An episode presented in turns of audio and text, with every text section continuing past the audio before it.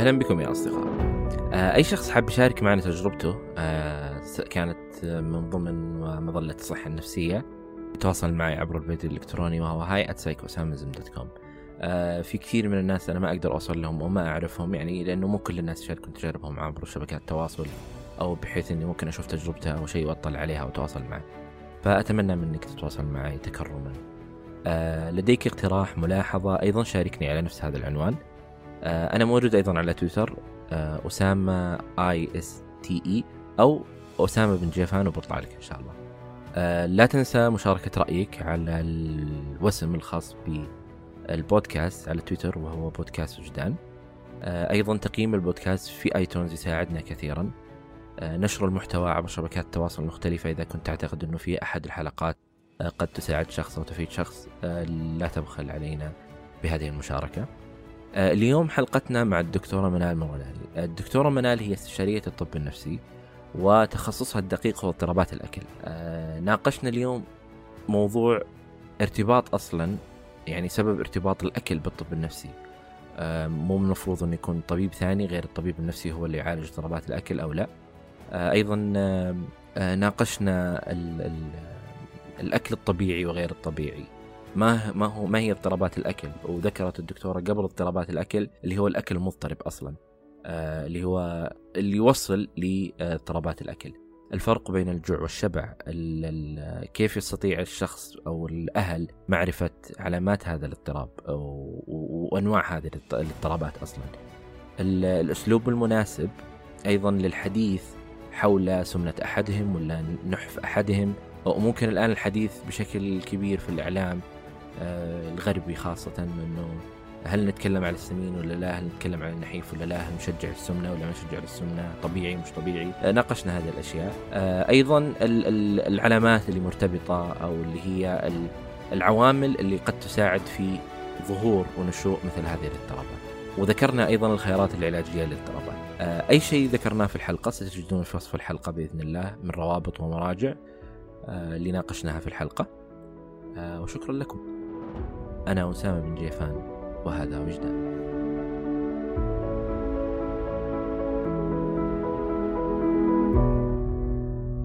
يمكن الموضوع اللي بنتكلم عنه اليوم شوي يعتبر غريب ويمكن ما هو معروف لكثير من الناس. ويمكن حتى السؤال اللي بيتبادر في الذهن كيف طبيب نفسي يعالج اضطرابات أكل؟ يعني هذه اللي بتكون في البداية مو المفروض طبيب باطنة ولا طبيب أي طبيب آخر. آه فليش في البداية إنه هذا الإنسان هو اللي ياخذ الحالة هذه؟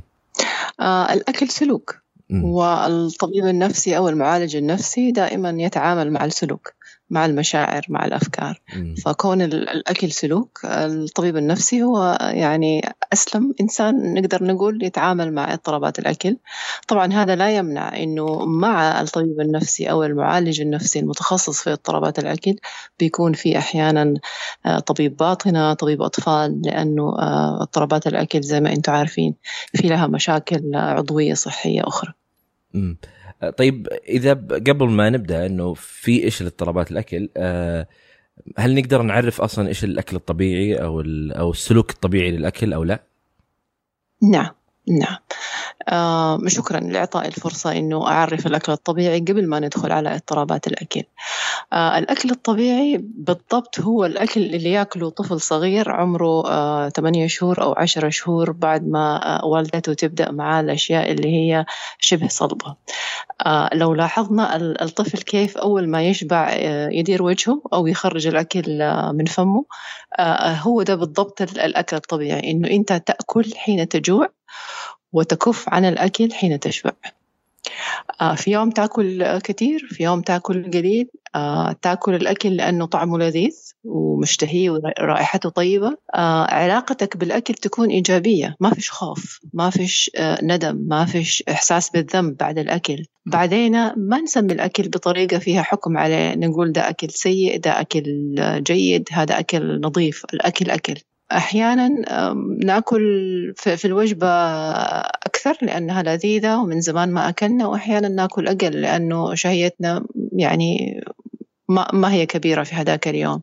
من الطبيعي أني أنا أشتاق لبعض أنواع الأكل. آه للأسف الشديد الآن يروج في الميديا أنه آه الاشتياق ده شيء سيء. لا لو اشتهيت أكل شوكولاتة أكل أكل آيس كريم. أكل أي حاجة تجي على بالي طالما إنها بكمية آه معقولة وما فيها آه أكل زايد. الأكل يتم التعامل معه كجزئية صغيرة من حياة متوازنة. ما تصير حياتي كلها عمالة تلف إيش حآكل ومتى حآكل وإيش حأسوي عشان أتخلص من الأكل. وبعدين وأنا باكل ما بنتبه للي جنبي بياكل قد إيش. وما أكون حريص إني أكل أقل منه أو أكل أكثر منه. أكل احتياجي. ولما أشبع أتوقف. هذا هو الأكل وهذه الأشياء اللي هي مرتبطة مثل ما ذكرتي اللي هو في البداية أنه كالطفل هو سلوك. فالطفل سلوكه إذا شبع هو ما يعرف أنه إذا شبع المفروض يسوي هذا الشيء لا هو يسوي بشكل طبيعي. لأنه شبعت خلاص نعم. أنا ما أحتاج. إذا جعت أنا أبكي على أساس تعطوني الأكل. فهذا هو الصورة الطبيعية لأي شخص أنه حل شبع وحل جوع يختلف يمكن مثل ما ذكرتي نوعية الأكل ولا طبيعة الأكل ولا الشخص اللي يشتهي شيء ولا يكره شيء بطبيعته مختلفة العادي يعني الشخص الطبيعي اللي هو حب شيء أو كره شيء. لكن متى ندخل في موضوع أنه هذا هو اضطراب أكل؟ وما هي أصلا اضطرابات الأكل؟ قبل ما ندخل على اضطرابات الأكل في حاجة قبل اضطرابات الأكل اسمها الأكل المضطرب. م. الأكل المضطرب هذا ليس تشخيص بل توصيف. يعني إحنا بنوصف السلوك المضطرب للأكل. خطورته وأهميته تكمن في أنه إمكانية تطوره في مراحل متقدمة إلى اضطراب أكل يصعب علاجه. وبعدين لأنه ما بيصل للدرجة اللي ممكن الأطباء يشخصوا فيها أو الناس اللي حوالين الإنسان المصاب بالأكل المضطرب ما ما بينتبهوا بشكل خطورة على الصحة لأنه بيكون مشابه تماما لاضطرابات الأكل لكن بحدة أقل بشدة أقل ونفس ال ممكن نقول تواجده في سلوك الإنسان اسبوعيا يكون أقل من اضطرابات الأكل. آه الإشكالية إنه الأكل المضطرب مرة منتشر ويمكن لو أقول لك آه اضطرابات الأكل على الرغم من خطورتها على الصحة وإنه هي أحيانا ممكن تكون آه مميتة إلى إنه الأكل المضطرب أكثر شيوعا. اضطرابات الأكل أكثر نقدر نقول في الغرب بالذات أكثر شهرة. وحتى عندنا بدأ يظهر ال anorexia وال bulimia لكن الأكل المضطرب هو الأكثر انتشارا في الشرق الأوسط والسعودية طبعا وما, وما هو الأكل المضطرب؟ الأكل المضطرب الناس اللي هي تأكل مع فقدان السيطرة يسموه ال binge eating الأكل ال binge ي إني أنا آكل وأنا زي كأنه عندي وسواس قهري يدفعني إنه آكل الثلاثة أربع شوكولاتات هذه اللي موجودة أمامي آكل الخمسة ستة بسكوتات هذه وما أرتاح إلا لما آكلها. في الإحساس بفقدان السيطرة الإنسان ما بيستمتع بالأكل. عشان كده أنا يعني وأسمحوا لي أقول إنه أنا ضد الترجمة الحرفية للأكل البنجي اللي هو بالأكل النهم. ما فيش نهم. الإنسان هنا ما بيستمتع. في إحساس كده زي الإنسان اللي بيقوم يتوضا سبعة عشر مرات. في قهر في المسألة في وسواس. الحميات المتكررة. لما الست أو المراهقة كل شوية تدخل في حمية مرة حمية الفلانية مرة الكيميائية مرة آتكنز مرة آه الآن الكيتو اللي هي أشهرهم.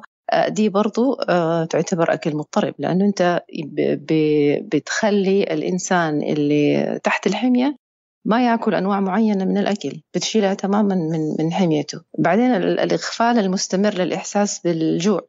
جيعانة أشرب موية أشرب قهوة أكل لبانة عشان ما أستجيب للجوع الطبيعي هذا اللي عندي. ويمكن الآن فرصتنا إنه إحنا نتكلم عن الجوع والشهية الجوع هو الإحساس الفيزيولوجيكال في بطن الإنسان بأنه لي ثلاثة أربع ساعات ما أكلت وتبدأ القرقرة في المعدة. يبدأ الإحساس بالألم حق الجوع. أبدأ أحس بإني هفتانة إنه السكر في دمي أن أنخفض أبدأ تصير حركتي ثقيلة ماني قادرة أركز أبدأ أبرد. هذا الجوع. لكن الشهية هي desire to eat. بمعنى إيش؟ أرغب في الأكل بغض النظر عن مقدار جوعي. وعشان كده. لازم نعلم الناس الفرق بين الجوع والشهية لأنهم ما هم واحد. وعشان كده في بعض الناس بيغفلوا الإحساس بالشبع عندهم. أكون شبعانة وآكل. لسه دوبي قايمة من السفرة. لي نص ساعة. أحط حاجة تانية وآكلها. لا أستنى شوية. التحلية هذه. بالذات يعني. لازم إنه إحنا نأخرها شوية. بعدين آه، إغفال الوجبات المتعمدة المتكرر على طول أنا آه، آكل وجبة واحدة. وأقول لا أنا ما حفطر ولا هتعشى حاكل وجبة آه، كبيرة في النهار اللي هي الغداء. استخدام حبوب الحمية الآن صارت كأنها موضة. يعني أنا بروح نادي وأحاول إني أنا أغلق أذني تماما عشان ما أسمع الحوارات البائسة حواليا. كل يوم في نوع جديد من آه، حبوب الحمية. وبعدين اللي بيشجع البنات الآن في حاجات بتجينا من آسيا اللي هي تسمى آه، حبوب سد الشهية آه، اللي هي هاربس اللي هي مصادرها عشبية. طب عشان عشبي آمن؟ لا ممكن يكون في مواد سامة. آه لما أعد سعرات حرارية في أكلي طول ما أنا قاعدة ده برضو أكل مضطرب. لما أستخدم المدرات البول والمسهلات وأنت بكرامة آه على طول عشان أتخلص من ال- الكالوريز اللي أنا أكلتها. هذا أكل مضطرب. الصيام المزمن. تجيني آه ال- الست على العيادة تقول لي والله أنا اليوم اللي أكون معزومة فيه في فرح أو في مناسبة طول اليوم أكون صايمة. أقعد على شاهي وقهوة. ليش؟ إيش المشكلة إنه أفطر وأتغدى وبعدين أروح أتعشى؟ يعني ال- ال- الحياة فيها أسلوب حياة صحي وفيها أكل متزن وفيها رياضة وفيها آه، نشاط بدني. ليش أحرم نفسي عشان حأمشي آكل آه، آخر الليل؟ طبعا الأكل الطبيعي أرجع أذكركم إنه هو يتراوح من شخص لآخر وهو علاقة الشخص بالأكل ومش الكمية ولا ال- النوعية.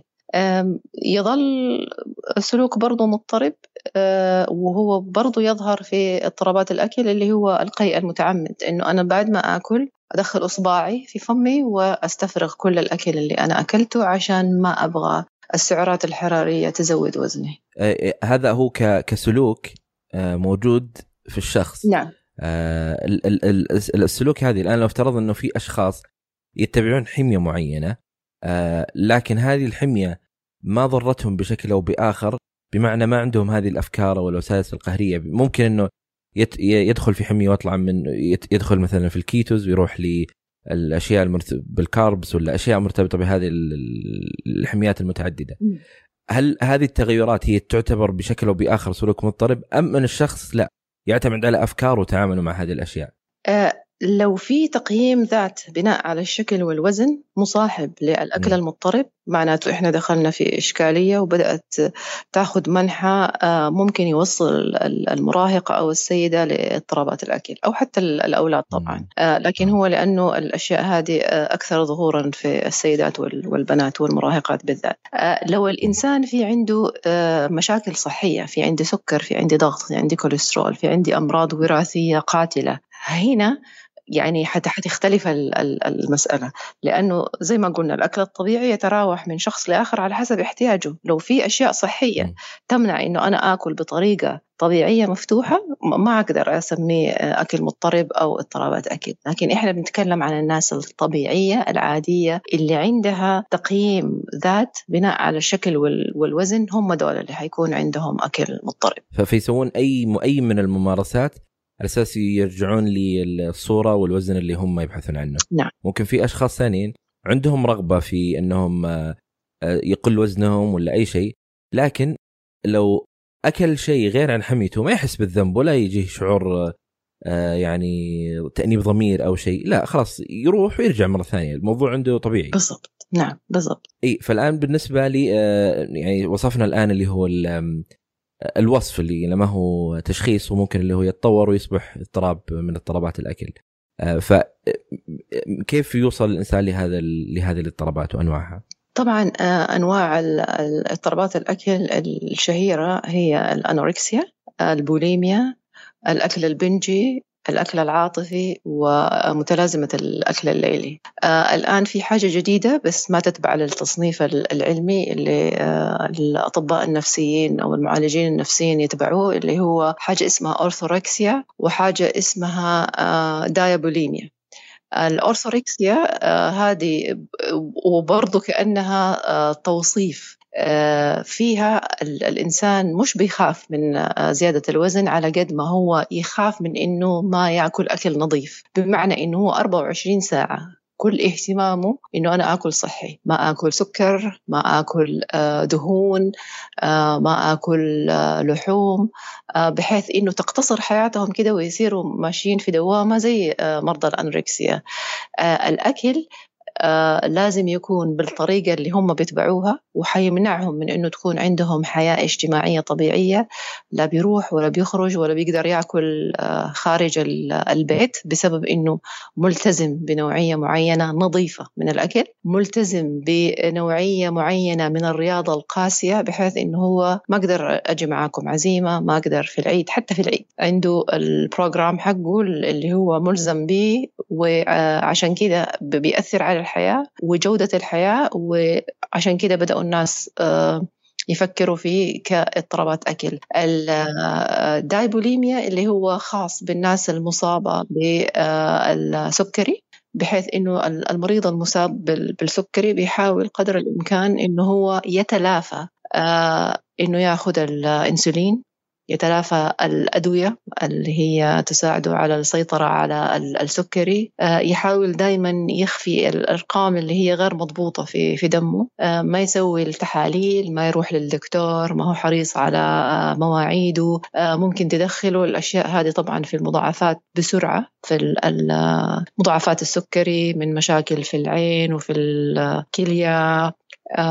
وطبعا أكثر الناس اللي بتتأثر فيها اللي هم البنات المراهقات الصغيرات في السن المصابات بالسكري واللي تكون آه، وزنهم زايد واللي يلاحظ عليهم إنهم في تكرار للدخول للمستشفى وزيارة الإمرجنسي آه، في المستشفيات. لكن الأشياء اللي زي ما قلت لك آه، أكثر حدوثا اللي هي الأكل المضطرب أو اللي بيسموه اضطرابات الأكل الغير نمطية.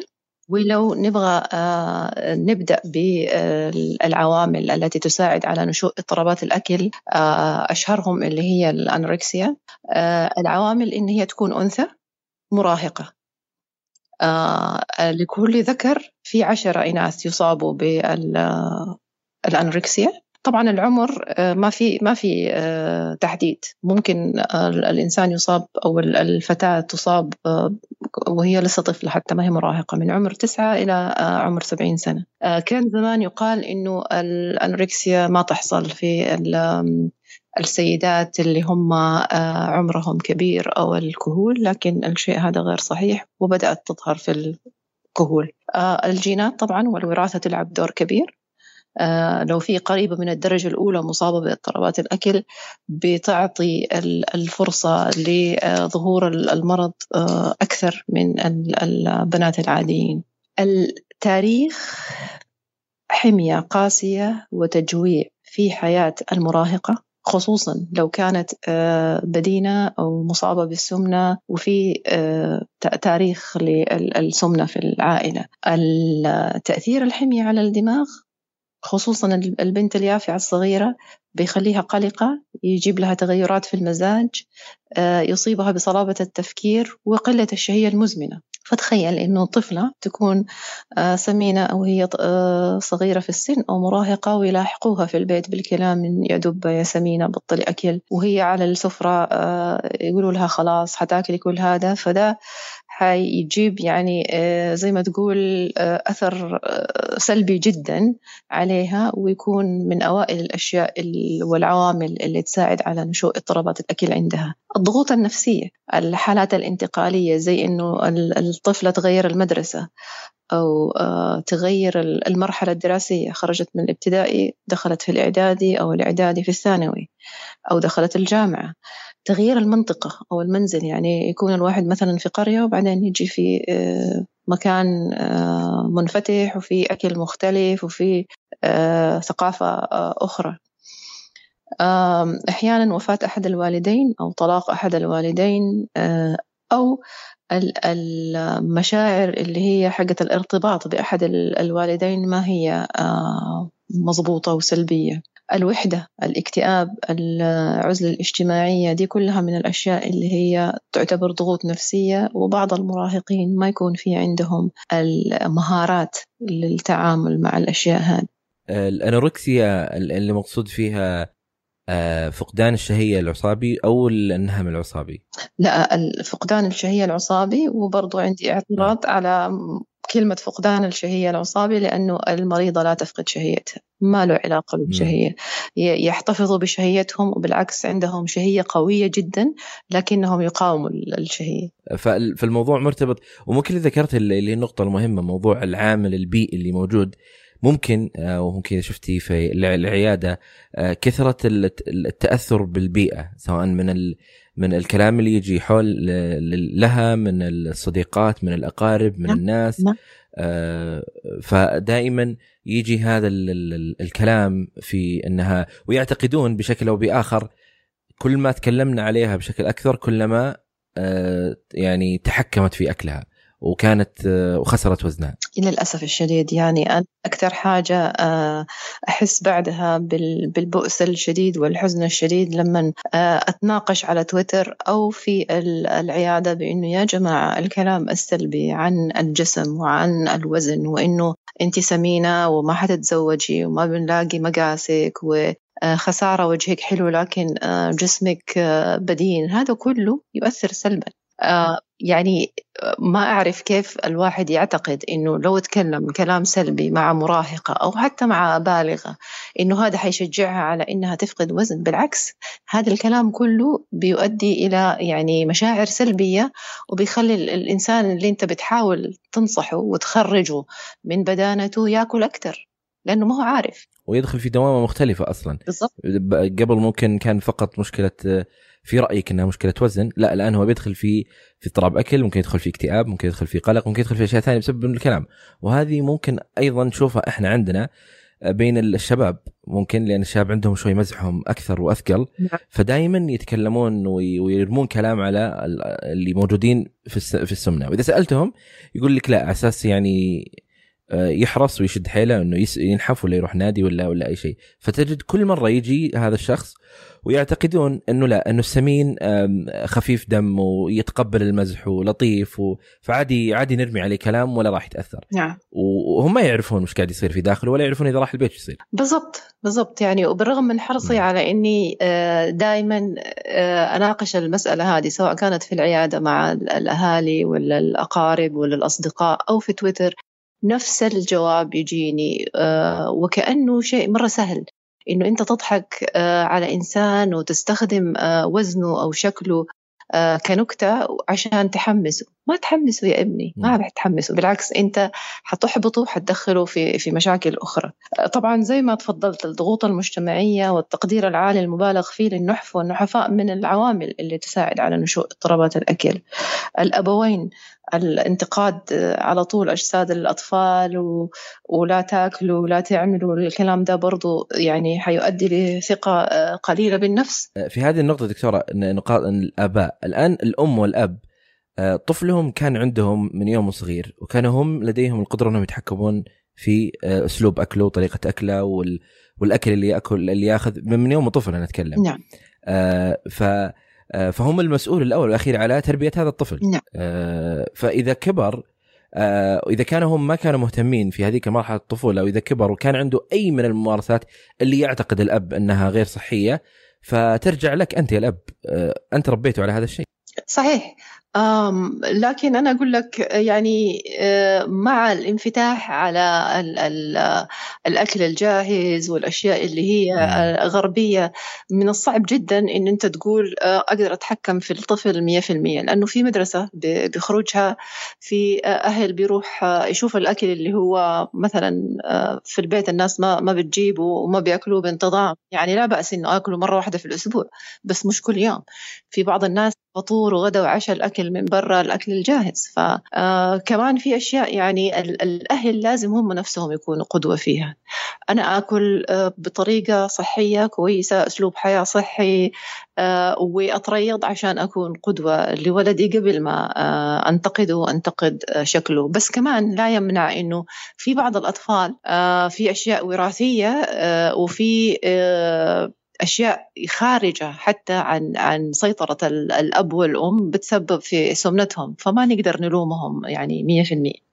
من الأشياء برضو اللي هي من العوامل اللي تساعد على نشوء اضطرابات الأكل إنه الإنسان يكون عنده نظرة جسد ذاتية مرضية أو سلبية. والأشياء هذه بتتسبب فيها يعني مرحلة المراهقة. البنت لما فجأة تلاقي نفسها طولت ووزنها زاد وبدأت تجيها الدورة. وما فيش أحد حوالينها يشرح لها إنه دي أشياء طبيعية وأشياء عادية وبتحصل لكل البنات وإنه أنت بعد كده جسمك بيتشكل عشان أصبحتي امرأة وفي المستقبل يكون عندك أطفال. بيتركوا البنات. ما هم فاهمين إيش اللي بيحصل في جسمي.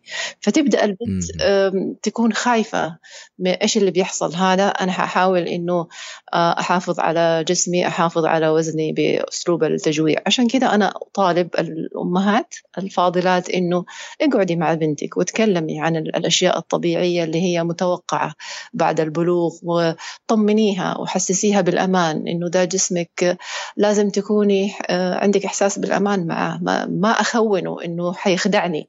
عشان كذا أنا أحاول إني أجوع نفسي عشان ما أتخن عشان ما أطول. لما تتفرج البنت على الأشياء اللي هي في ال media ال fashionista ولا تلفزيون والآن طبعا مع العولمة في كل بيت في ال channels اللي هي الغربية.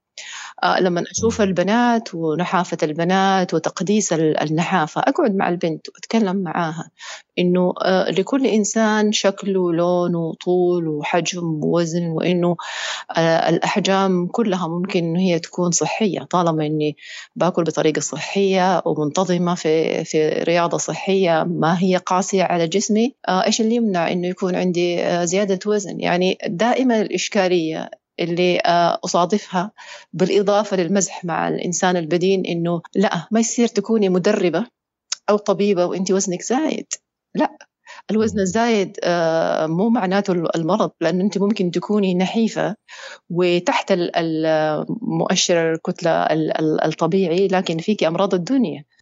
لازم الواحد يعني الصحة هذه لها أشكال ولها ألوان ولها أحجام ولها أوزان وما نحكم بالظاهر. فنكون أكثر شمولية وأكثر عمومية لما نتكلم عن الصحة. ما هي الرشاقة فقط ولا هي ال ال الوزن ال المثالي فقط. آخر العوامل اللي هي تساعد على ظهور اضطرابات الأكل طبيعة الهوايات أو العمل. يعني لما أكون مثلا مدربة في نادي والناس تقول لا والله إذا المدربة هذه دبة وفي عندها زيادة في الوزن أنا ما أنا رايحة أتدرب عندها. هذا حيأثر طبعا على عملي لأنه ده مصدر رزقي. فأحاول إنه أنا ما آكل وأنحف نفسي قصرا وأدخل في دوامة اضطرابات الأكل. راقصات الباليه. الناس اللي هم في عروض الأزياء سواء كانوا بنات أو أولاد دول برضو من الناس اللي حيدخلوا في اضطرابات الأكل. بعدين في أمريكا منتشرة مسألة الرياضات اللي هي الكوتش. كل أسبوع حيحطك على الميزان ويوزنك. الغوص والسباحة والجيمناستيك دول من أخطر الرياضات لأنه أنت بتوزن حتى على الملأ. ولو في نص كيلو أو ربع كيلو زايد التوبيخ حيكون على الملأ. فدي يعني تقريبا من من الأعمال الخطرة. ضغوط الأصدقاء أحيانا لما أكون بشتغل في مكان الكل عامل رجيم. وأنا بدي آكل أكل عادي طبيعي. حيطالعوا لي بطريقة مخجلة ومنفرة. لا أنت بتاكلي طبيعي لازم تكوني معانا. فدي برضها من الأشياء اللي مزعجة وخصوصا في السن الصغير لو في مدرسة أو في كلية وفي ضغط الأقران علي. الآن ممكن دكتورة اللي ذكرتيه موضوع السمنة وموضوع مثلا بدانة ولا نحافة ولا رشاقة. ممكن الآن الموضوع حتى الآن ممكن يتناقش على بشكل عالمي موضوع يعتبر شائك. آه، موضوع الصورة النمطية للصحة ولا الصورة النمطية للنحف ولا الصورة النمطيه إنه هل آه، هل المفترض إنه إحنا ما نتكلم على الناس السمينة أو هل أنا إحنا نشجع على السمنة أو ما نشجع على السمنة أو هل نشجع على النحافة ولا ما نشجع على هذه النحافة؟ نعم. فداخل كذا في في آه، نقاش مختلف في الموضوع هذا. نعم وممكن يكون فلسفي وبيزنطي وما ننتهي فيه آه لشيء. لكن اللي أحب أقوله للناس إنه لما تتكلم بلطف وبطريقة علمية وتكون قادر على إنك توصل الرسالة إنه أنا خايفة عليك يا بنتي أنا خايف عليك يا آه، زوجي أنا خايف آه، عليك عليك يا زوجتي.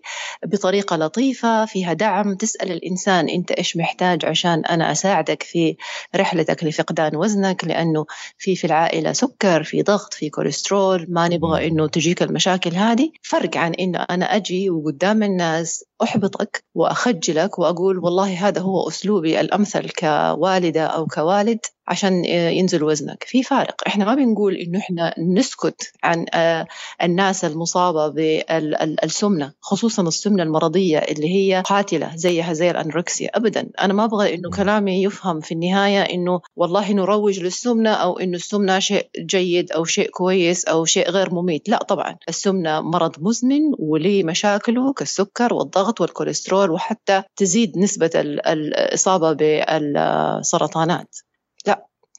لكن أنا أتكلم عن الأسلوب أتكلم عن الطريقة المثلى المناسبة اللي نقدر نوصل بها الرسالة للإنسان المصاب بالبدان آه بعدين بالنسبة للنحافة النحافة لا يجب أن تقدس بحيث أنه والله هو بس الإنسان النحيف هو الناجح هو اللي بيوصل هو اللي بياخد الجوائز هو العالم هو آه أفضل الناس. لا في جميع الأحجام والألوان والأشكال والأوزان الناس ممكن تكون ناجحة. أه، وهذه ممكن أنه أه، خط أنه الإنسان أه، يعاني من شيء وخط أنه الإنسان لديه حياته الخاصة هذا أمر مختلف.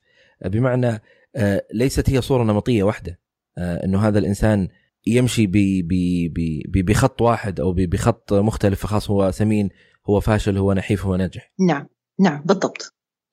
وأنه ال ال أنت يا الشخص اللي خرجت صورتك. يعني يعني ظهروا في ناس ظهروا راقصات عندهم يعني ما هو بالوزن المثالي اللي ظاهر. ظهروا مودلز ظهروا الناس يبينون لهم إنه ترى كوننا نعاني من هذا الشيء وإحنا نحاول في هذا الشيء هذا مختلف تماما عن اللي إحنا قاعدين نسويه. فأنت ما تجي ترفضني لأجل سمنتي أو لأجل نحفي. أنا عندي هذا الشيء أنا أنا أتعامل معه. فما لك دخل في اللي أنا مر فيه الآن. نعم بالضبط. يعني فعلا الحكاية هذه أنا لاحظتها قبل فترة على آه، تويتر إنه بدأت آه، دور الأزياء تستعين بسيدات آه، في عندهم مشاكل جلدية في عندهم مشاكل في في الوزن والناس رافضة. يعني أنا أنا ماني قادرة أفهم إيش إشكالية المرأة وانت سيدة بالذات؟ آه، إنه أنت ترفضي آه، تجي عارضة أزياء ممتلئة أو مصابة بالسمنة. ليش؟ الواحد لازم يسأل نفسه ليه ليش أرفضها؟ ليش أرفض إنسانة مصابة مثلا بالبهاق؟ إنها تطلع آه، تعرض أزياء. لأن عندهم صورة واحدة يعني. نعم. صورة صورة نمطية للشخص اللي يبغونه. نعم. ولا يبغون أحد. فلما يطلع هذا الإنسان البنات يعرفون إنه إحنا مش لوحدنا يعني في ناس مثلنا. بالضبط. وهذول هم آه، ممثلات ويعملون ويشتغلون ويسوون ويسوون. وهذه المشكلة ما لها دخل في عملهم. عنده مشكلة يحاولون يصلحونها بس ما تأثر على عملهم اللي هو الأساس. ولا ولا يرفضونهم ولا يعني يجي يتكلم عليهم ولا يجي يتنمر عليهم ولا يجي يقال لهم. كون إنهم يمرون بهذا الشيء ما له ارتباط في العمل اللي يقومون فيه. نعم. وعشان كذا آه، يعني تجي هنا نقطة تأثير العائلة أو المحيطين على الأنوركسيا يعني لما العائلة والأصدقاء تجي آه، تهنئ مريض الأنوركسيا على نحفه على قوة إرادته. بدل ما ينتبهوا إنه في مشكلة وإنه البني آدم ده عمال ينحف بطريقة غير صحية وعمال يجوع نفسه. أوه ما شاء الله عليكي والله مصممة ومنضبطة. وشوفي كيف نزل وزنك خصوصا لما تكون مراهقة. وبدأت البلوغ ووزنها شوية زاد. وبعدين آه، أصيبت بالأنوركسيا. والناس اللي حوالينها بدل ما يبدأوا يخافوا ويقلقوا بيبدأوا يحسدوها على نحفها وتقول لها واو ما شاء الله عليكي والله أنا الست الكبيرة ما أقدر أوصل لعزمك هذا ما هو عزم هذا مرض. وللأسف الشديد الأشياء هذه يعني ممكن تساعد على استمرارية الأعراض. لما أنا كطفلة أكون وزني زايد وما حد منتبه لي وبالعكس يمكن في الرايحة والجاية عمال يهزئوني ويتنمروا علي في البيت في المدرسة في كل مكان. وبعدين أفقد الكثير من وزني وأبدأ ألبس ويبدأوا الناس ينتبهوا لي ويبدأوا آه واو ما شاء الله عليكي آه بان وجهك بان جمالك دوبك صرتي آدمية. الكلام المزعج جدا. وكأنه الإنسان لو يعني زاد وزنه يفقد آدميته. آه، كيف كيف أقنعها وقتها إنه يا بنتي اللي أنت بتعاني منه مرض؟ وأنا آه، قاعدة أسمع كل يوم من أهلي الكلام الجميل والمدح اللي عمره ما فيش أحد آه، قال لي هو. وخصوصا إنه البنات اللي يصابوا بالأنوركسيا شخصياتهم مرة حساسة وبعدين مرة محبين للكمال وعندهم الوسوسة وحب المثالية وما عندهم الاختلاط الزايد. بحيث إنه ما عندهم المهارات كيف يتعاملوا مع مشاعرهم ومشاكلهم. فأنت كده كأنك بتزيد الطين بلة بتساعد على استمرارية الشيء ده عند الطفلة أو المراهقة وتتشبث به أكثر ويكون يعزز هذا السلوك الخاطئ بشكل إيجابي. بالضبط. فهي قبل مثل ما ذكرتي دكتورة ما حد كان يشوفها ما حد كان يكلمها ما حد كان يجيها. والآن لا صارت آه، يعني المثال الرائع لمن فقد وزنه بسرعة وبسرعة مخيفة يعني بشكل شديد. والنزول أصلا وهذه أحد أصلا العلامات اللي موجودة في كثير يمكن من أنواع الاضطرابات ويمكن الاكتئاب أحدهم نزول الوزن الشديد آه، المفاجئ بشكل آه، بشكل رهيب. وممكن الآن في الفترة هذه دكتورة ممكن لاحظتيها موضوع السعرات الحراريه الآن بحكم إنه آه، صار واضح عندنا أكثر من قبل في القوائم المطاعم والأشياء هذه. آه، الآن ممكن آه، هم آه، حتى يعني ممكن يدخل مكان ويسأل عن السعرات لكن هو ما يعرف العوامل الكاملة اللي مرتبطة بالسعرات. يعني هو ليس رقم فقط تأخذه وعندك نمط حياة سيء مختلف. وليس العكس إنك أنت بمعنى إنك خلاص أنا حققت هذا الرقم خلاص أنا وصلت للشيء اللي أبغاه. فبرضو هذه واحدة من الأشياء اللي ممكن حتى ما تكون مفهومة بشكل واضح وتؤدي إلى الاضطرابات. صحيح. آه والدليل على كذا إنه آه المدارس في أمريكا لما بدأوا آه يحاولوا السيطرة على البدانه عند الأطفال في المدارس فحاولوا إنهم هم آه، يعملوا حملات آه، تمريض وأخصائيات اجتماعيات يمشوا على المدرسة ويقيسوا آه، مؤشر كتلة الجسم. يجيبوا ميزان ويقيسوا الطفل قدام المدرسة كلها طبعا. ويقال لي طبعا إنه أو في ورقة يعطى هذه طولك هذا وزنك هذه مؤشر كتلة الجسم وإنه أنت مصاب بمثلا زيادة الوزن أو طبعا الثلاثة مراحل حقت السمنة. لقوا إنها تجيب نتيجة عكسية. كل ما تكلمت عن وزن الطفل ومؤشر كتلة الجسم كل ما خليته متحسس للحكاية هذه ويبدأ يصير قلق ويبدأ الأكل العاطفي بسبب قلقه. ما قالوا إنه أنا ماني طبيعي وقالوا إنه أنا عندي وزن زايد والحاجة محرجة قدام الناس أنا حاكل عشان أخفف التوتر اللي عندي.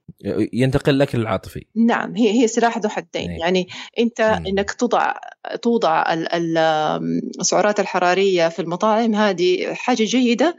عشان الناس اللي عندها إشكاليات صحية وخصوصا السكر والكوليسترول والضغط يكون عارف هو إيش بيأكل. وبالنسبة للناس اللي هي برضو مصابة آه، بالبدانة وعلى وشك أنها تدخل في المشاكل الصحية دي برضو يكون عارف هو إيش بيأكل. لكن الناس الطبيعية العادية وخصوصا الناس اللي في مرحلة البلوغ ما فيش داعي إنه أبدأ تصير الحكاية كأنها وسواس قهري. كل ما رحت أكلت أبغى أشوف أنا حأكل قد إيش وححرق قد إيش وبعدين المسألة اللي الواحد يشوفوها في النادي. آه اليوم حأكل بيتزا إذا لازم اليوم أجتهد وأحرق كل اللي أكلته أمس عشان اللي يدخل يصير حيتحرق تاني. لا هذا هذا أكل مضطرب. لما اقعد أفكر في إيش ححرق وإيش هعمل. خلاص كلي وبكرة يوم جديد. خصوصا لو بتاكلي بطريقة اللي هي الطبيعية. ما ما فيها الأكل الزائد اللي هو آه، حاكل ثلاثة أربعة بسكوتات وحاكل معاها آه، اثنين آيس كريم يعني الأكل الطبيعي اللي هو اشتهيت آيس كريم حاخذ واحد انتهينا شبعت. وهذه آه، أذكر دكتورة في أحد الأطباء آه كان أغلب حياته كان ماشي على نظام النباتي أو اكل نمط حياته اللي هو اللي يكون ال plant-based food كان لما أنا شفت صورته ما كان نحيف. يعني ما كان نحيف بالصورة اللي مفترض إنه فقط يأكل هذا الشيء.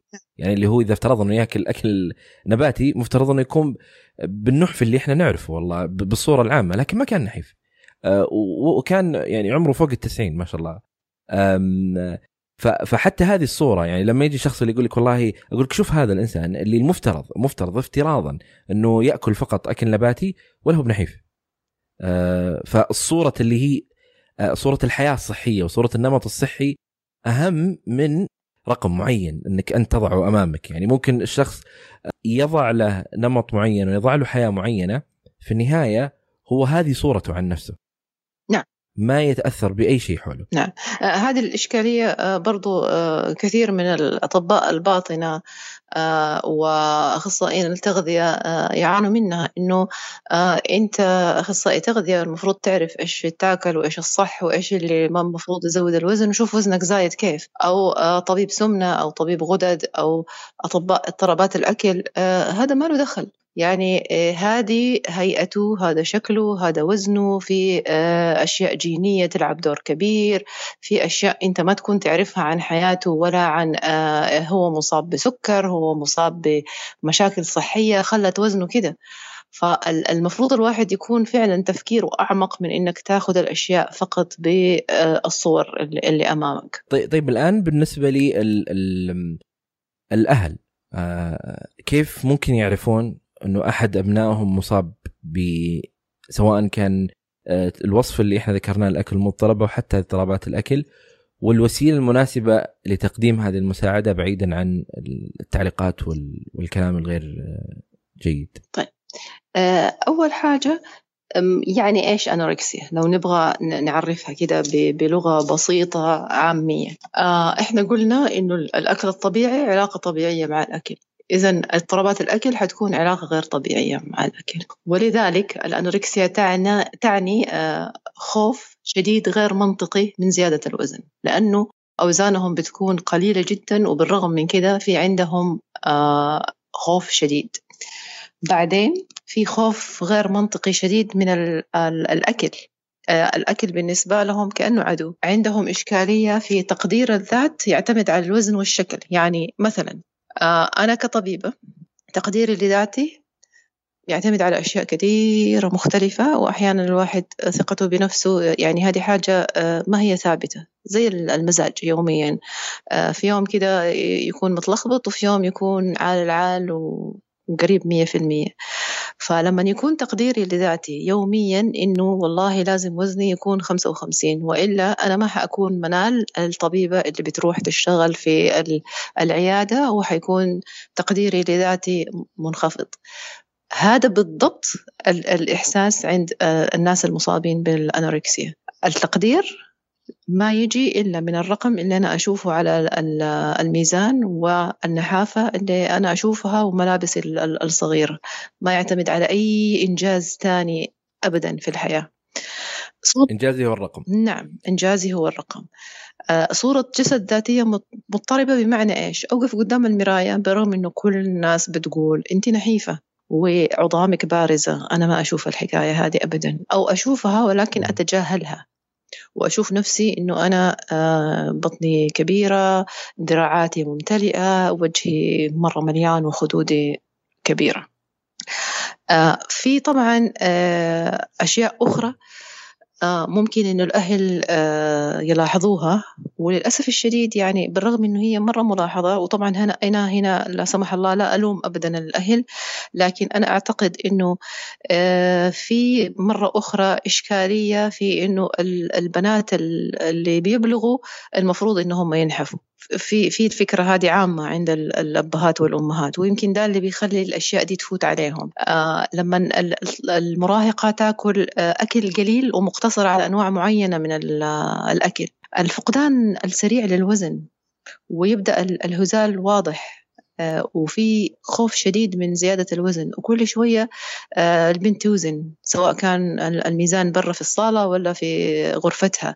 لما تبدأ تعد السعرات الحرارية بطريقة وسواسية يوميا وتوزن أكلها وتبدأ تسأل هو قديش في دهون؟ هو قديش في سكر؟ وبعدين في بنات في الإعدادي عمرهم 11 و 12 سنة منزلين على التليفون حقهم app يعد لهم ال calories عشان تعرف هي إيش بتاكل وتنتهي بإنها تاكل تفاحة خضراء تقسمها آه، طوال اليوم وتشرب موية وتشرب قهوة وهي في الإعدادي. لما آه، تبدأ تنخرط الطفلة في طقوس يومية وقت الأكل بمعنى إنه هي تقعد على السفرة مع أهلها لكنها تقطع الأكل قطع صغيرة جدا عشان آه، سهل إنه ما يبان إنه هي ما أكلت تفتفته. بمعنى آخر. أو تبدأ تقول والله أنا أكلت أنا أكلت في المدرسة أكلت في الكلية آه، أكلت في المطبخ قبل ما أنتوا تشوفوني وقبل ما تحطوا الأكل. آه، تبدأ تخبي الأكل. أو أبدأ أشوف آه، في الزبالة وأنت بكرامة أكل مبسوق أو قيء. أو أدخل الحمام وراء المراهقة وفي ريحة قيء. أو في آه، كثرة استعمال للمعطرات الجو والكولونيا والإنسان المصاب بالأنوركسيا يقضي تقريبا آه، نصف نصف ساعة بعد الأكل في الحمام. هذا معناته أنه آه، بيخرج كل الأكل اللي, اللي هو أكله. في بعض البنات المصابات بالأنوركسيا بيكون عندهم تفكير متواصل طول اليوم بالأكل. على طول حتى يحلموا بالأكل. بطريقة تقول لك أنا اليوم جاية أحكيكي أحلامي لأني انفجعت منها لأنها كلها كانت أكل وإنه أنا باكل وباكل كل الأشياء اللي حارمة نفسي آه، عنها. يجمعوا وصفات في في كتب أو كتيبات تلاقيها على طول في جرير بتشتري كتاب جديد وعمالة تطبق الوصفات على أخوانها وأهلها وتطبخ. هي المسؤولة عن المطبخ لكن ما تحط ولا شيء في فمها من اللي آه، بتعمله. على طول هي المسؤولة عن التسوق. آه، هي اللي تمشي تقضي.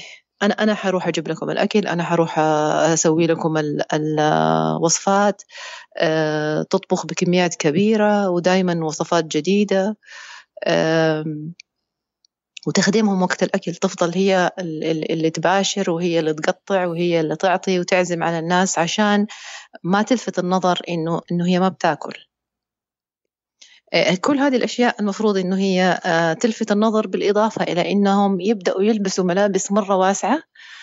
لسببين. الأول إنه ما تبغى أحد يلاحظ قديش هي نحفت والسبب الثاني إنهم بيبردوا. فتلاقيها لابسة آه، بلوزة وبلوزة ثانية وعليها بلوفر وجاكيت من من فوق. ليش؟ لأنه آه، ما فيش دم كافي بيروح للأطراف وبتبرد وما تبغى أحد يكلمها عن قديش هي نحيفة. آه، فهذه الآن الأشياء اللي مرتبطة بالأهل بحيث أنه ممكن إذا لاحظوا هذه الأشياء يتعاملون مع ابنتهم أو ابنهم بالطريقة المناسبة. آه، الأشياء اللي مرتبطة بأسلوب الأهل نفسه آه، أحيانا بشكل أو بآخر يؤثر على آه، سلوك هذا الطفل أو سلوك هذا المراهق. كيف ممكن أنا كشخص أجي أروح أكلم هذا الإنسان أو أحاول أتكلم معاه أو أحاول أقنعه بشكل أو بآخر بالحالة اللي يمر فيها بدون ما أنا أجرحه بدون ما أسبب له أي مشكلة نفسية. نعم. آه تقدر الأم إنه هي آه توري المصابة اليافعة أو المراهقة آه إنها قلقانة عليها. آه الدورة بتغيب. حتبدأ تلاحظ إن هي المصابة مكتئبة عندها خمول عندها الكسل آه يبدأ الشعر آه، يتساقط.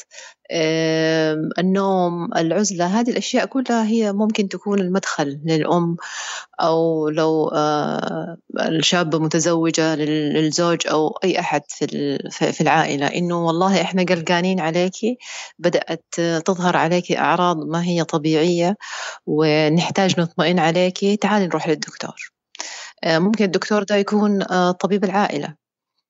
أو لو هي طفلة أو مراهقة طبيبة الأطفال أو طبيبة النساء والولادة. ومن هناك بعد ما تتعمل التحليل ويبان قديش الجسم متأثر ممكن الإحالة على آه، طبيب متخصص في اضطرابات الأكل أو معالج نفسي متخصص في اضطرابات الأكل. طبعا لازم نكون في حساسية شديدة. بالطريقة اللي نتكلم فيها. ما يكون في تأنيب ما يكون في آه، زعيق. يعني معظم الناس اللي بتأثروا بمرض أولادهم بالأنوركسيا تلاقيه معصب وزعلان. وطبعا معاه كل الحق كأب أو كأم إنه هو يزعل على اللي حاصل في في جسد وعقل آه، أولاده. لكن برضو زي ما إحنا بنتكلم مع الطفل المصاب بالبدانة آه، بعدم حساسية وتأثير ذلك على آه، صحته. نفس الشيء حيحصل مع المصاب بالأنوركسيا. لازم نختار ألفاظنا ونتحكم قدر الإمكان بمشاعرنا. ما نجي وقت الوجبة ونقول والله حتاكلي يعني حتاكلي حتى لو انضربتي. وينقلب وقت الوجبة إلى ساحة صراع. ويبدأوا الناس اللي موجودين على الأكل حتى الإخوان الباقيين يتوتروا. وهي تتوتر وترفض الأكل ويبدأ يصير الجو مكهرب. تبدأ الأم تقول أنا رحت قضيت وجبت كل هذا الأكل وقفت الساعات الطويلة عشان آه، أطبخ وفي الآخر ما تاكلي.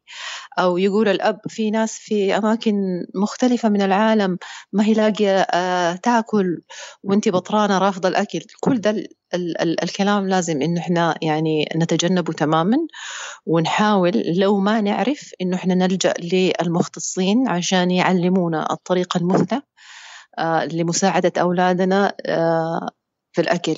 لأنه من الأشياء اللي هي آه، علاج الأنوركسيا الأول إنه أنت تغذي الإنسان ده.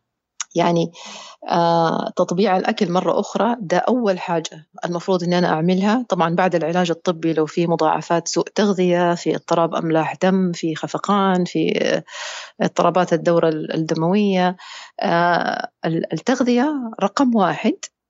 لأنه إذا ما وصلنا الغذاء المناسب بالطريقة المناسبة الموزونة للجسم المصابة بالأنوركسيا ما راح تستجيب لأي علاج سلوكي معرفي على الإطلاق. ليش؟ لأنه إحنا قلنا أول في التجويع تأثير التجويع على الدماغ هذا بيخليه صلب بيخليه آه، يدور في حلقة مفرغة. آه، البنت هذه آه، فقدت شهيتها مع الوقت. آه، خصوصا لو شيء مزمن آه، في صلابة في التفكير في عدم رغبة في إنه هي تسمع الكلام. فطول ما هي مجوعة نفسها ما حيكون في أي حاجة توصل للدماغ ده عشان تصلح الأشياء اللي بتمارس غلط بسبب ده المرض. فتصحيح الأكل وتطبيع الأكل مرة أخرى وفي خطة غذائية يومية مع متخصصة تغذية متخصصة في اضطرابات الأكل مش أي آه، أخصائية تغذية ومحاولة إنه نرجع الدورة ونرجع الوزن الطبيعي اللي ترجع فيه الدورة والأهل يكونوا مشرفين على الأكل. ويحصل توعية وتعليم للأهل الأم والأب والإخوة ولو في أصدقاء في المدرسة والمريضة نفسها. الآن الخيارات العلاجية بالنسبة من قبل المعالج النفسي هي تكون العلاج السلوكي المعرفي؟ نعم. ويكون هو أعتقد مثل ما ذكرت إنه يكون هو آه، متزامن مع أكثر من شيء مع الأخصائية التغذية ومع الطبيبة ومع أيضا الطبيب إذا كان يراجع مثلا بعض التغيرات الفسيولوجية اللي حصلت نعم. للمريض. آه، بس بشكل بشكل عام في نهاية الموضوع هناك حل. أكيد طبعا هناك حل. العلاج يكمن في إنه نتعرف على المشاكل المرتبطة بنشوء الانوركسيا زي ما قلنا في الأول اللي هي آه، موت أحد الوالدين أو تغيير في آه، نمط الحياة. آه، بعدين نحاول إنه نعافي المراهقة دي من الصدمات اللي أصيبت فيها لأنه إشكالية مرضى الأنوركسيا إنه ما عندهم مهارات صحية للتأقلم مع ضغوطات الحياة اليومية. فلو أنت تبغى تعالج إنسان مصاب بالأنوركسيا المفروض أول حاجة تعلمه هي إنك تديله مهارات صحية للتأقلم مع ضغوطات الحياة اليومية لأنه حياته دي كلها لغاية ما جاء للطبيب وشخص وهو بيتعامل مع الحياة باضطرابات الأكل. أنا زعلانة أمنع نفسي من الأكل. أنا حزينة مكتئبة ماني عارفة أتواصل مع الناس في عندي ضغوطات يومية حياتية كلها بتعامل فيها بتجويع نفسي. فلما أعطيه المهارات الصحية أنا بعالجه الآن وبأحميه في المستقبل أيضا من الإصابة بالانتكاسات. آه بعدين لازم يتعلم المقدرة على التعبير عن العواطف والتعامل معها بأمان. أنا زعلان؟ أقول أنا زعلان. أنا آه حزين؟ أنا حزين. أنا طفشان؟ أنا غضبان؟ إيش ما يكون العاطفة بعبر عنها؟ لأنه ما عندهم القدرة على التعبير حتى. ما, ما يعرف أنا بمر بإيش. لأنه على طول هو عمال آه، يخدر إحساسه بالتجويع. كل ما حس بألم نفسي جوع نفسه أو أكل مستفرغ. فلما أعلمه المقدرة على التعبير عن العواطف والتعامل معها والتأقلم حأكون كده حميته في المستقبل من أنه تجي له آه، انتكاسة. طبعا ال ال الإشكاليات حقت ال anorexia لما أعيد آه، التغذية في حاجة اسمها refeeding syndrome اللي هو آه، متلازمة إعادة التغذية عند المصابين بال anorexia ممكن هذه لو حصلت بسرعة آه، يصير موت بسبب قصور القلب لأنه ده بني آدم لسنين وشهور طويلة ما بيأكل بطريقة طبيعية فحيحصل نقص في إنزيمات وفيتامينات في الجسم فلما أجي أنا أعبي له جسمه بسرعة عشان أزوده 2 و3 كيلو في الأسبوع هذا حيشكل خطورة كبيرة وممكن آه يعني مميتة. الأشياء اللي تجعل الأنوركسيا مهمة وخطرة كمرض نفسي إنه في عندها آه، مضاعفات زي ما قلنا إعادة التغذية الفشل الكلوي مضاعفات القيء الشابه اللي هي بتسيطر على كميات ال calories اللي داخلة في جسمها آه، لأنه هي نوعين ال anorexia في نوع منها يسموه binging purging بمعنى إيش؟ إنه يأكل أكل غير مسيطر عليه الإنسان المصاب ثم آه، يحصل القيء المتعمد تستفرغ كل الأكل اللي هي أكلته. وطبعا ده يعرضها لانفجار المريء أو إنه هي بعد النوبة هذه تمارس رياضة مرة عنيفة تأخذ مدرات للبول تأخذ مسهلات تأخذ كل الأشياء اللي هي تسيطر على كمية ال آه، الأكل اللي, اللي دخل جسمها أو النوع الثاني اللي هو يسموه الأنوركسيا الحصرية اللي هي تعيش على تفاحة واحدة تعيش على أقل قدر ممكن من السعرات الحرارية اللي ممكن تكون أقل حتى من 400 كالوري في اليوم which is مرة آه، خطر على الجسم وتؤدي لاضطراب أملاح الدم. يعني تخيل إنسان ثلاث أربع مرات وهو يدخل يستفرغ. الاستفراغ الإسهال مدرات البول دي كلها تقلل أملاح الدم وممكن تتسبب في نوبات صرع وممكن تتسبب في اضطرابات آه، النبض وكهربائية القلب وتتسبب في آه، نوبة قلبية. آه، في نوبات السكر المنخفض برضو ممكن تؤدي للوفاة. فالعلاج الطبي لتصحيح المضاعفات مرة مهم. الخفقان اضطراب أملاح الدم كل الأشياء هذه آه، مرة مهمة ولازم أحيانا تتم في مستشفى خصوصا في الحالات اللي هي آه، خطرة ومؤشر كتلة الجسم فيها مرة صغير وبدأت تحصل إعياءات والمدرسة تتصل أو الجامعة بنتك أغمى عليها تعالوا خذوها. هذا مؤشر مرة خطر ويعني إنه المصابة تحتاج إدخال للمستشفى. طبعا في في المراهقين والأطفال بيختلف العلاج عنه في في البالغين. آه، في المراهقين والأطفال في ما يسمى بموزلي تريتمنت آه، اللي هو آه، على ثلاثة مراحل.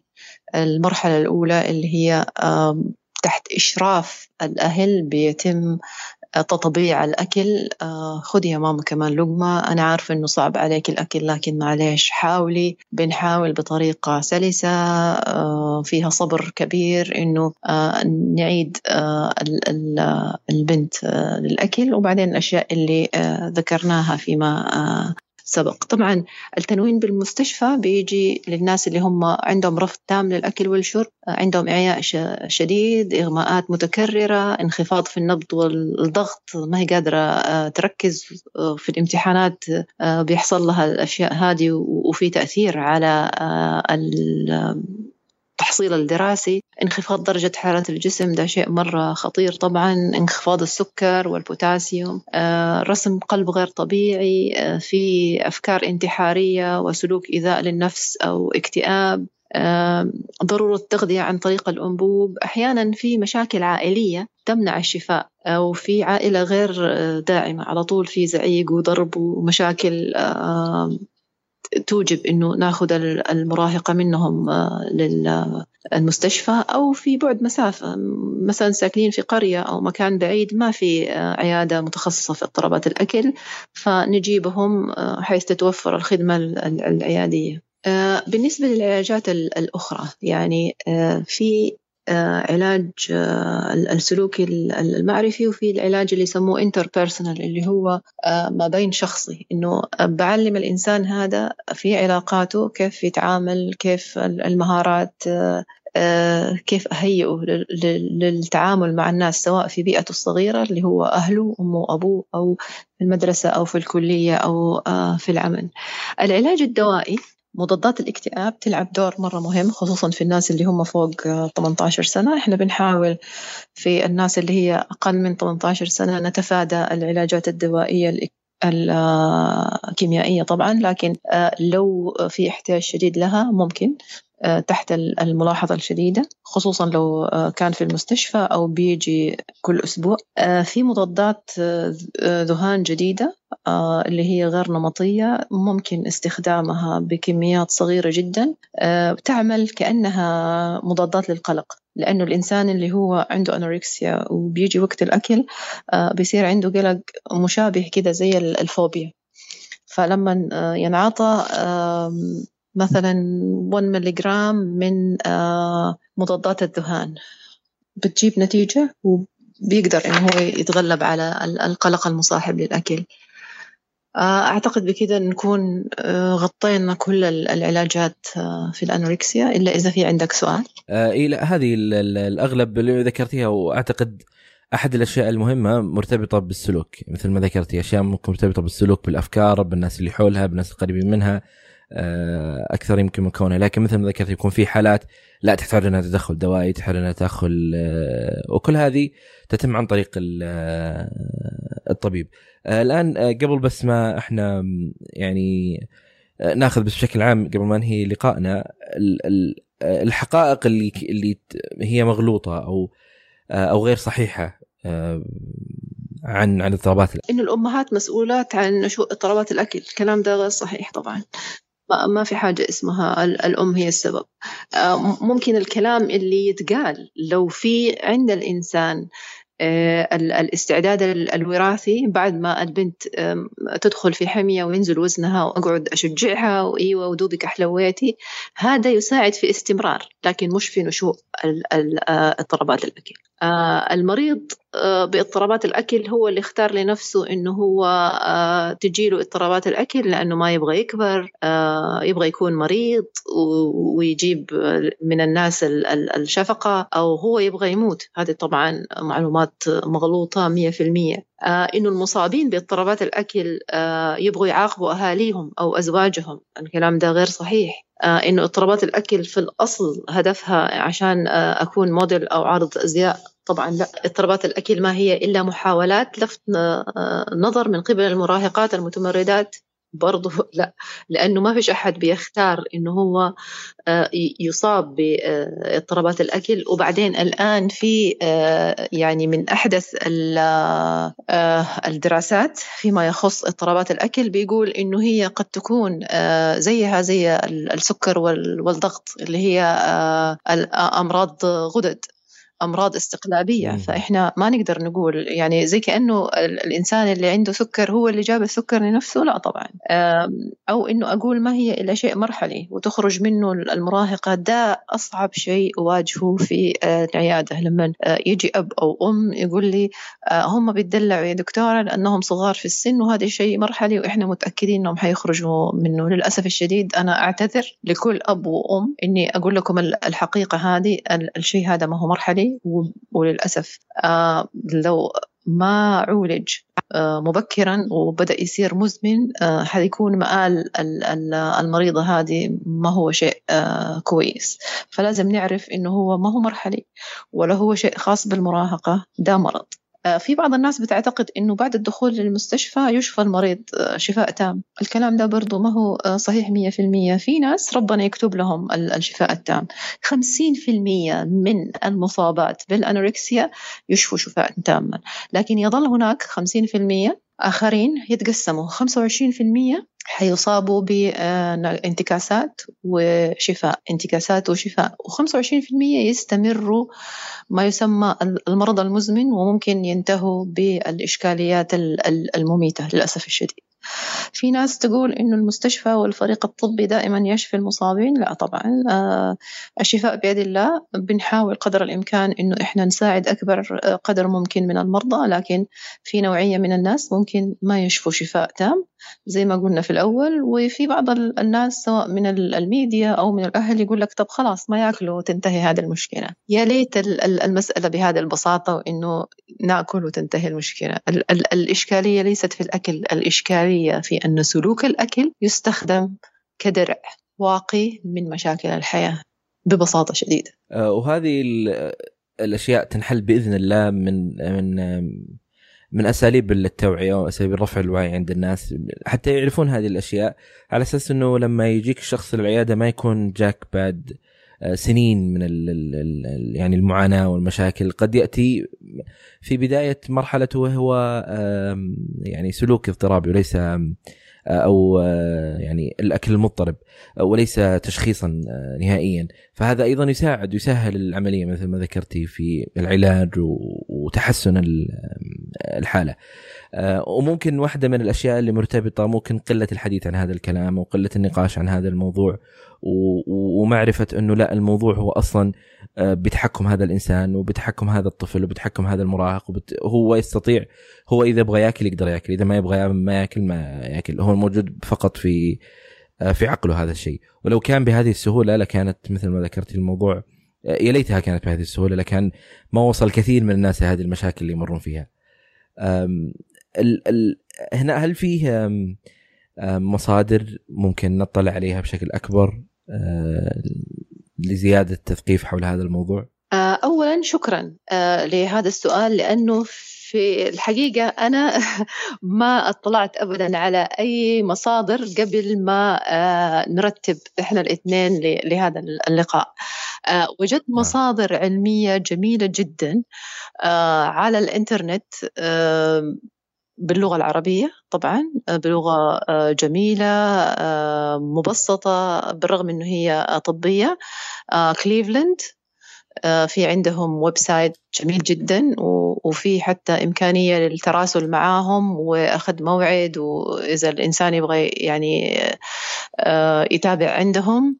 مايو كلينيك برضو. أيضا في موقع اسمه صحتك صحتك بالدنيا أعتقد. آه، في دكتور آه، اسمه مجدي الدسوقي آه، في عنده من مكتبة الأنجلو المصرية سلسلة في الأمراض النفسية ومنها اضطرابات الأكل وصورة الجسد الذاتية مفيدة جدا. آه تقريبا آه هي هذه المصادر اللي موجودة ووجدتها آه مفيدة. أنا بأخذ منك الروابط وبنشرها هي تكون إن شاء الله في وصف الحلقة. كل الروابط اللي ذكرتها الدكتورة بحيث أنه الشخص يوصل لها بشكل مباشر.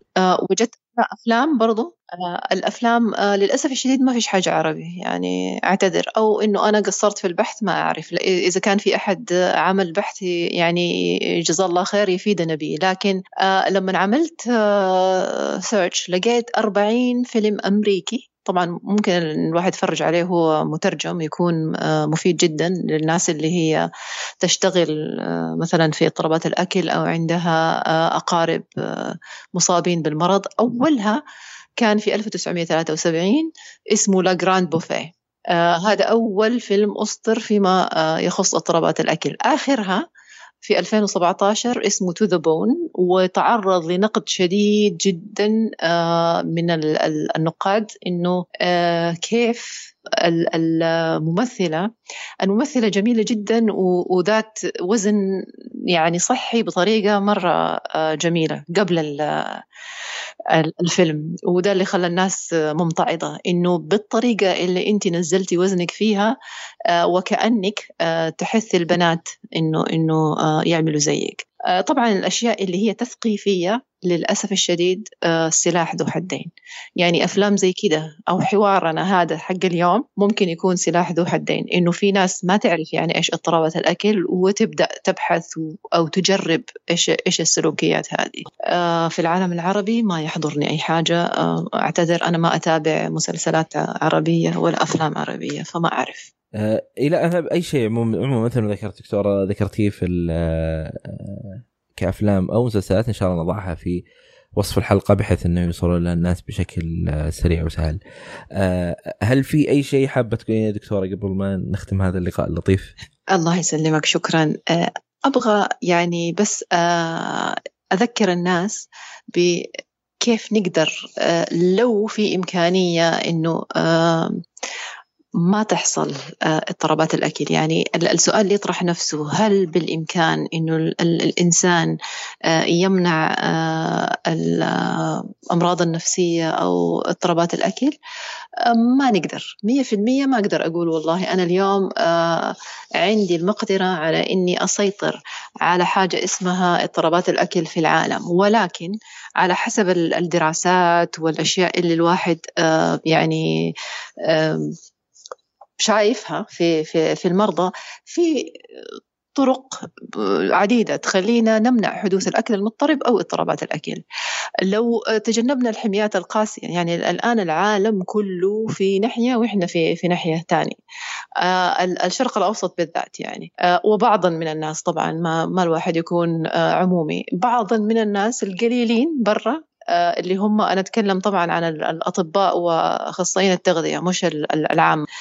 آه، ما زالوا يؤمنوا بالحميات وإنه لازم أنزل وزنه ولازم أعمل والكلام ده. آه، ما عاد أحد بيتكلم عن حميات قاسية. الناس بتتكلم عن أسلوب حياة صحي. يعني الشيء اللي كل يوم أسويه لأنه الحمية القاسية زي ما شفنا بتتسبب في إنه تجي اضطرابات أكل يا أنوركسيا يا بنج إيتين يا بوليميا حتى. يعني جميع أنواع اضطرابات الأكل سبب نشوئها الحميات القاسية. فلما نتوقف عن وضع الناس على الحميات القاسية آه، ممكن نحن نخفف نسبة حدوث آه، الأكل المضطرب أو اضطرابات الأكل.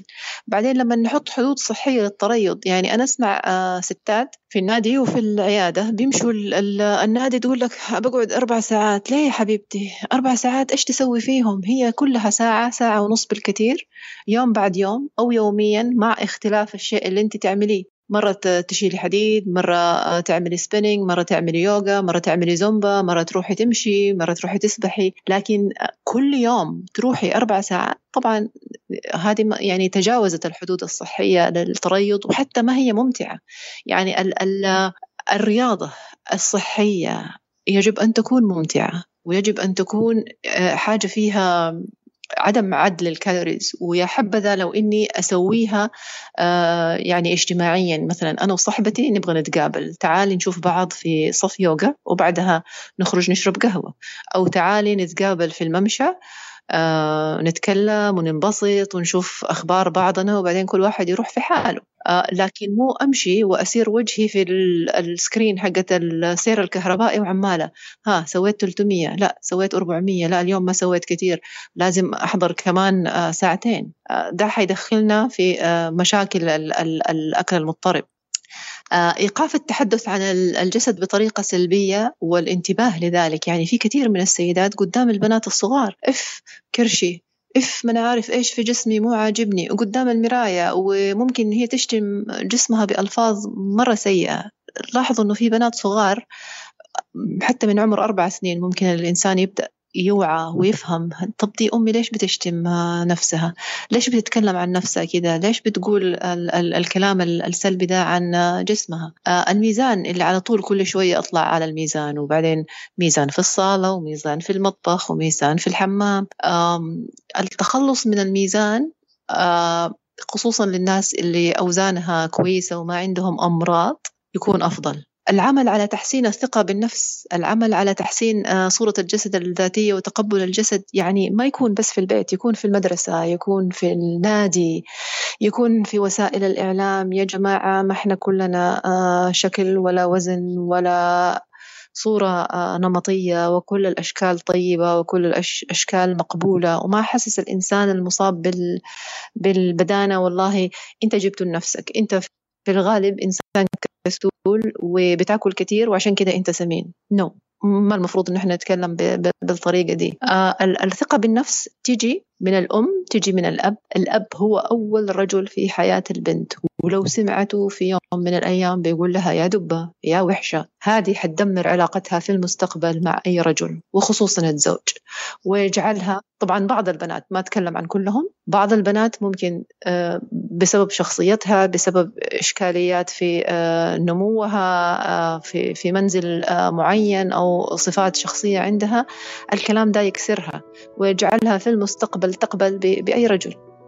يفقدها ثقتها بنفسها وتقديرها لذاتها. فليش نعمل كده في البنات؟ ليش نتسبب ليهم في اضطرابات أكل بأشياء ممكن إنه إحنا نمتنع عن قولها؟ أه صح. هذه الأشياء اللي هذه اللي أعتقد يمكن لو بجي بقول نهاية هذه الحلقة تهم بشكل أو بآخر هو كيف هذا المجتمع وكيف ينظر لهم وكيف هذا السلوك كيف تأثيره بشكل أو بآخر. مثل ما ذكرت هناك عوامل مختلفة. عوامل جينية عوامل وراثية عوامل آه، جسمانية. لكن يبقى هذا العامل مهم جدا كيف إنه يؤثر بشكل بآخر. لأنه في النهاية هذا الإنسان آه، نصف حياته يجلس مع أهله. نتكلم في المجتمع العربي والمجتمع السعودي إحنا من العائلة أكثر. فوجودنا مع العائلة بشكل أكبر تأثيرنا أكيد تأثير هذه العائلة آه، لابد إنه يكون إما سلبا أو ايجابا. الله يعطيك العافية دكتورة نعم. وأشكرك على وقتك. آه وأنا ما حسيت بالوقت والله يعني ساعة أو شيء. آه واو ف ولا أنا. آه آه شكرا شكرا لك دكتورة. شكرا لك وشكرا لاستضافتي وتشرفت بلقائك. الله يعافيك. آه شكرا لكم يا أصدقاء لاستماعكم لهذه الحلقة. آه لا تنسوا تقييم البودكاست على آيتونز مشاركة الحلقة عبر تويتر واتساب إنستغرام سناب شات أي مكان كل مكان. أي ملاحظات اقتراحات شفتوها سمعتوها ارسلوني على البريد الإلكتروني وهو هاي dot com أنا موجود على تويتر أسامة بن جيفان أسامة A S T A كل شيء ذكرناه في الحلقة تجدونه بإذن الله في وصف هذه الحلقة. وشكرا لكم. أنا أسامة بن جيفان وكنتم مع وجدان.